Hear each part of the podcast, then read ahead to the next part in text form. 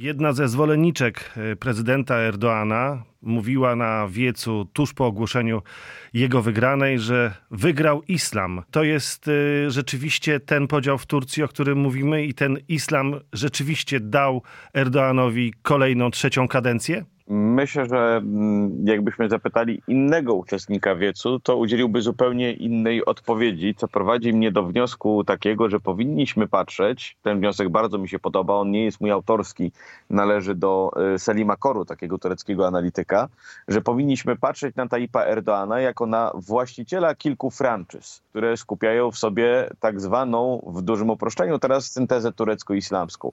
A więc zarówno partii, której jest oficjalnie liderem, Partii Sprawiedliwości Możliwości Rozwoju, jak i choćby no, lidera tej drugiej franczyzy, ugrupowania nacjonalistycznego, którego formalnie liderem przecież nie jest. Zwycięstwo Taipowi Erdoganowi, jeśli mielibyśmy już iść tutaj tym tokiem rozumowania, co mu zapewniło zwycięstwo, zapewnił mu i islam w znaczeniu konserwatywnych wyborców, zapewnił mu i nacjonalizm w znaczeniu nacjonalistycznych wyborców, zapewniło mu i poczucie bezpieczeństwa, bo przecież szereg ludzi podkreślało to, że Tayyip Erdoğan to jest bezpieczeństwo. Zapewniło mu to, że opozycja nie była w stanie trafić ze swoimi argumentami do wyborców, zapewniło mu przekonanie, że Tayyip Erdoğan buduje wielką Turcję. No i wreszcie zapewnił mu szereg okoliczności, który powodował, że opozycja, wracam do argumentu sprzed 15 sekund, nie mogła dotrzeć do wyborców, więc ogromna przewaga w mediach przede wszystkim. Tak, podkreśla się, że wygrana Erdoana to nie tylko te e, sprawy, nazwijmy to państwowe, ale również jego działalność e, ograniczająca, jego działalność wręcz restrykcyjna wobec e, opozycji, wobec tych, którzy krytykują Erdoana. Tutaj oczywiście takim sztandarowym przykładem jest to, że nie można go oficjalnie bardzo mocno krytykować, bo wtedy jest szansa, że sąd skaże na więzienie taką osobę, ale czy rzeczywiście e, brak dostępu do mediów na równych prawach, brak e, możliwości wyrażania swoich poglądów e, sprawił, że opozycja nie była w stanie tym razem odstawić Erdoana na boczny tor polityczny? Oczywiście tych powodów klęski opozycji jest zdecydowanie więcej, ale po tureckim internecie krąży teraz taki obrazek, który moim zdaniem fenomenalnie oddaje to, co miało miejsce. To jest obrazek przedstawiający Tayyipa Erdoana i Kemala Kılıçdaroğlu na bieżni. Tayyip Erdoğan może biec sobie wprost do celu, Kemal Kılıçdaroğlu musi przeskakiwać przez liczne płotki. I tak rzeczywiście wygląda funkcjonowanie opozycji w Turcji, e, bo media to jest przecież tylko jedna rzecz. Inną rzeczą jest e, choćby to, że opozycja musiała decydować się na wybór tego, kto kandyduje w obliczu potencjalnego zablokowania kandydatury innych kandydatów, zwłaszcza Ekrema Imamolu, czyli burmistrza Stambułu, e, nad którym ciężyła perspektywa zakazu udziału w polityce kraju. I to w ogóle jest no, fenomenalne, jeśli spojrzymy na to z tej perspektywy, bo opozycja zagrała w grę Tayyipa Erdoana. Więc może powinniśmy po prostu mówić o tym, że gra jest tak ustawiona, że reguły zna Tayyip Erdoğan, e, reguły sprzyjają mu, a opozycja jeszcze w dodatku gra według tych reguł, bo przecież nic nie stało na przeszkodzie, żeby opozycja podeszła do tego inaczej.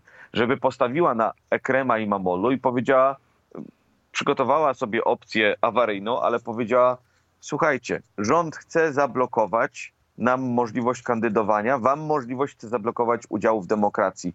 Tak jak to zrobił w 2019 roku, kiedy powtórzył wybory w Stambule. I mogła wybrać taką opcję narracyjną opozycja i jeszcze tę narrację właśnie przejąć, prawda? Spróbować przejąć. Ale nie, zdecydowała się na wybór Kemala Kılıçdaroğlu i zdecydowała się na granie według reguł. Jakże więc mogło się to zakończyć? Jeszcze ostatnia rzecz, taki obrazek Turcji, e, więc dowód anegdotyczny.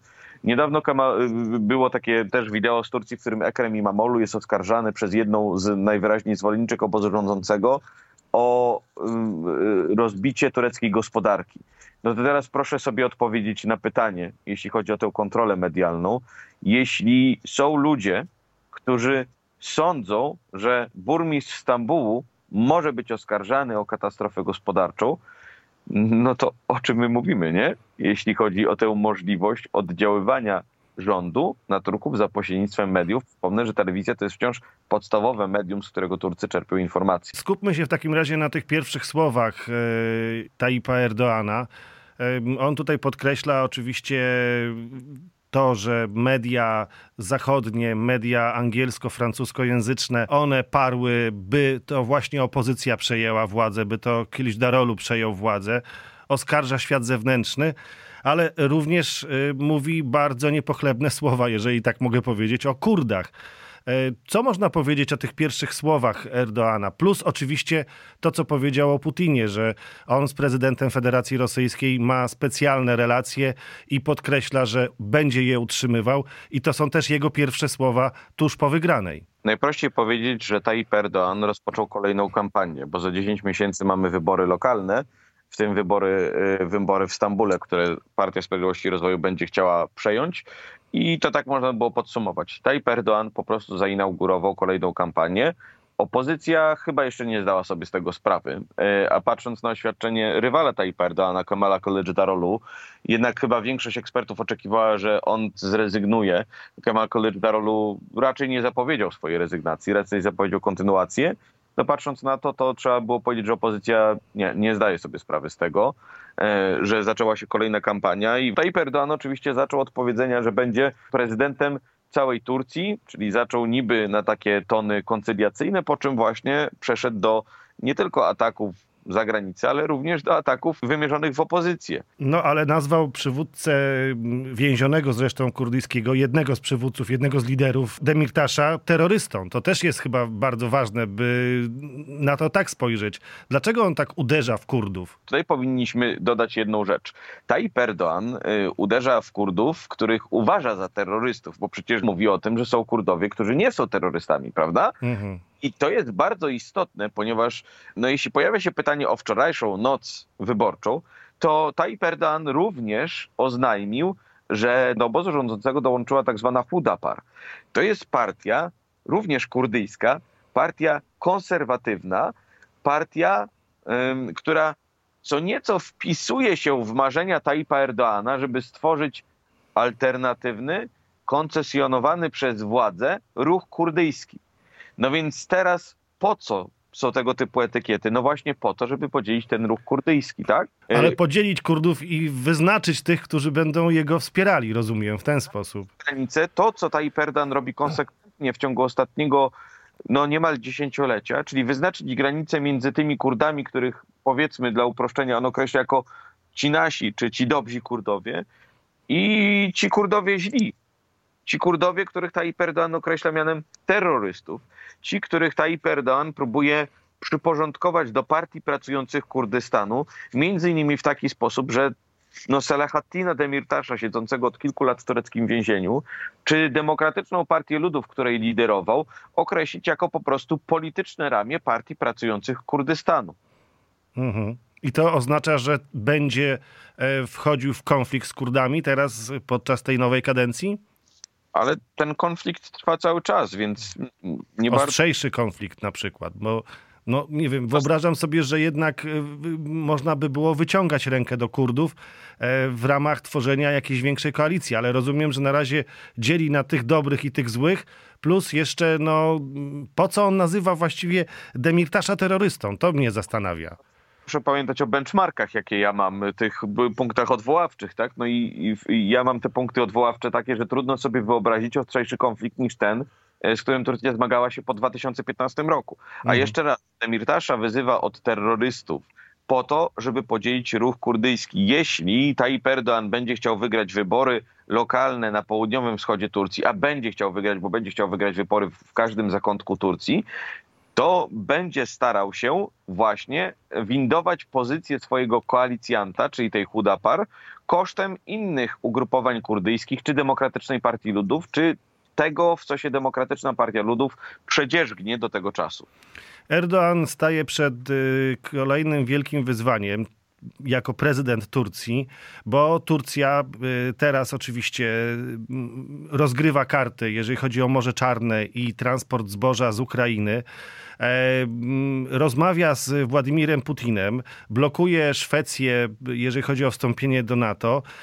No, tutaj jest wiele takich, nazwijmy to, wektorów politycznych, na których Erdoğan musi się poruszać, ale skupmy się na Władimirze Putinie.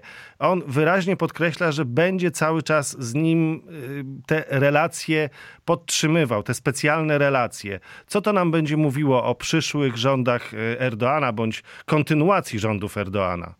No właśnie, to nam będzie mówiło o kontynuacji, czyli że Tayyip Erdoğan będzie kontynuował tę politykę balansowania między choćby Ukrainą a Rosją, ale że będzie też kontynuował tę politykę balansowania między swoimi partnerami zachodnimi i zobowiązaniami sojuszniczymi, a stosunkami z Rosją. Turcja ciągle będzie dążyła do prowadzenia polityki, która mm, powoduje, że Rosja jest słaba, ale niezbyt słaba, bo Turcja potrzebuje Rosji między innymi właśnie do tego, żeby, no cóż, no rozgrywać swoich partnerów zachodnich. No tak, i wszyscy ci partnerzy zachodni e, póki co wysłali swoje listy gratulacyjne. Przecież to jest oczywiście już truizm mówienie o tym, że Turcja jest jednym z najważniejszych członków NATO i jej armia też stanowi o potędze NATO, o potędze Sojuszu Północnoatlantyckiego. No ale tutaj mamy jeszcze taki bardzo poważny moment, jak gra uchodźcami, tymi milionami uchodźców z Syrii. To również robił Kilisz Darolu podczas tej kampanii e, przed drugą turą, gdzie wyrażał się bardzo antyimigrancko. Co z nimi teraz będzie robił Erdoğan? Czy będzie cały czas grał tą kartą? Zgodnie z zapowiedzią obozu rządzącego, Partia Sprawiedliwości i Rozwoju będzie chciała relokować uchodźców na terytorium północnej Syrii. No i widzimy, że przed wyborami były próby Taipa Erdoana do tego, żeby no niestety połknąć, niestety z jego punktu widzenia, połknąć tę żabę i porozumieć się z Basharem al-Assadem. Więc to jest ten element, w którym z pewnością y, stosunki z Rosją będą wykorzystywane. Natomiast ta y, sprawa y, gratulacji, bo mm, myślę, że w tym wszystkim ważne jest również podkreślić, że Tayyip Erdoğan będzie nadal starał się prowadzić taką politykę, w której raz na jakiś czas będzie robił jakąś koncesję wobec Sojuszu Północnoatlantyckiego, właśnie po to, żeby tego typu oświadczenia się pojawiały. Właśnie, żeby liderzy zachodni nie mówili, że Tayyip Erdoğan już dawno przeszedł na drugą stronę rzeki, ale zobaczcie, jeszcze robi coś tutaj, jeszcze tą jedną nogą stoi w Sojuszu Północnoatlantyckim, pomaga nam, tak jak nam pomaga przy umowie zbożowej, tak jak pomaga nam w zarządzaniu kryzysem e, migracyjnym, punktem, który wyobrażam sobie, że Tayyip Erdoğan będzie starał się rozegrać, może być właśnie kwestia szwedzkiego członkostwa. To znaczy Tayyip Erdoğan ostatecznie może wyrazić zgodę na to szwedzkie członkostwo, no właśnie argumentując, że tutaj robi przysługę, można powiedzieć, e, językiem troszkę uproszczonym, mhm. swoim zachodnim partnerom. Jeśli chodzi o ten wątek Kamala Kılıçdaroğlu, który był z punktu widzenia Europy dużo bardziej alarmistyczny, rzekomo e, przywódcy europejscy byli bardzo poważnie zaniepokojeni deklaracjami Kamala Kılıçdaroğlu, że kryzys migracyjny i umowa emigracyjna to jest w ogóle koniec, bo nie ma mowy o tym, żeby Europa płaciła Turcji jakąś jałmużnę za przetrzymywanie syryjskich uchodźców na terytorium Turcji, to podejrzewam, że w stolicach europejskich pojawiło się takie westchnienie ulgi, że to jednak Tayyip Erdoğan został z tej perspektywy westchnienie ulgi. Oczywiście, że jednak Tayyip Erdoğan pozostał tym prezydentem Turcji. Natomiast w dalszym ciągu nie wyobrażam sobie, żeby Tayyip Erdoğan nie próbował w różny sposób pozyskać wsparcia Unii Europejskiej dla rozwiązania tego problemu. Wsparcia choćby w postaci finansowania tych projektów na północy Syrii. Ta polityka Erdoana myślę, że zapowiada się bardzo ciekawie. To najważniejsze wybory od lat w Turcji. Dziękuję bardzo. Karol Wasilewski, analityk w 4CF, założyciel Instytutu Badań nad Turcją. Bardzo dziękuję za rozmowę. Dziękuję również.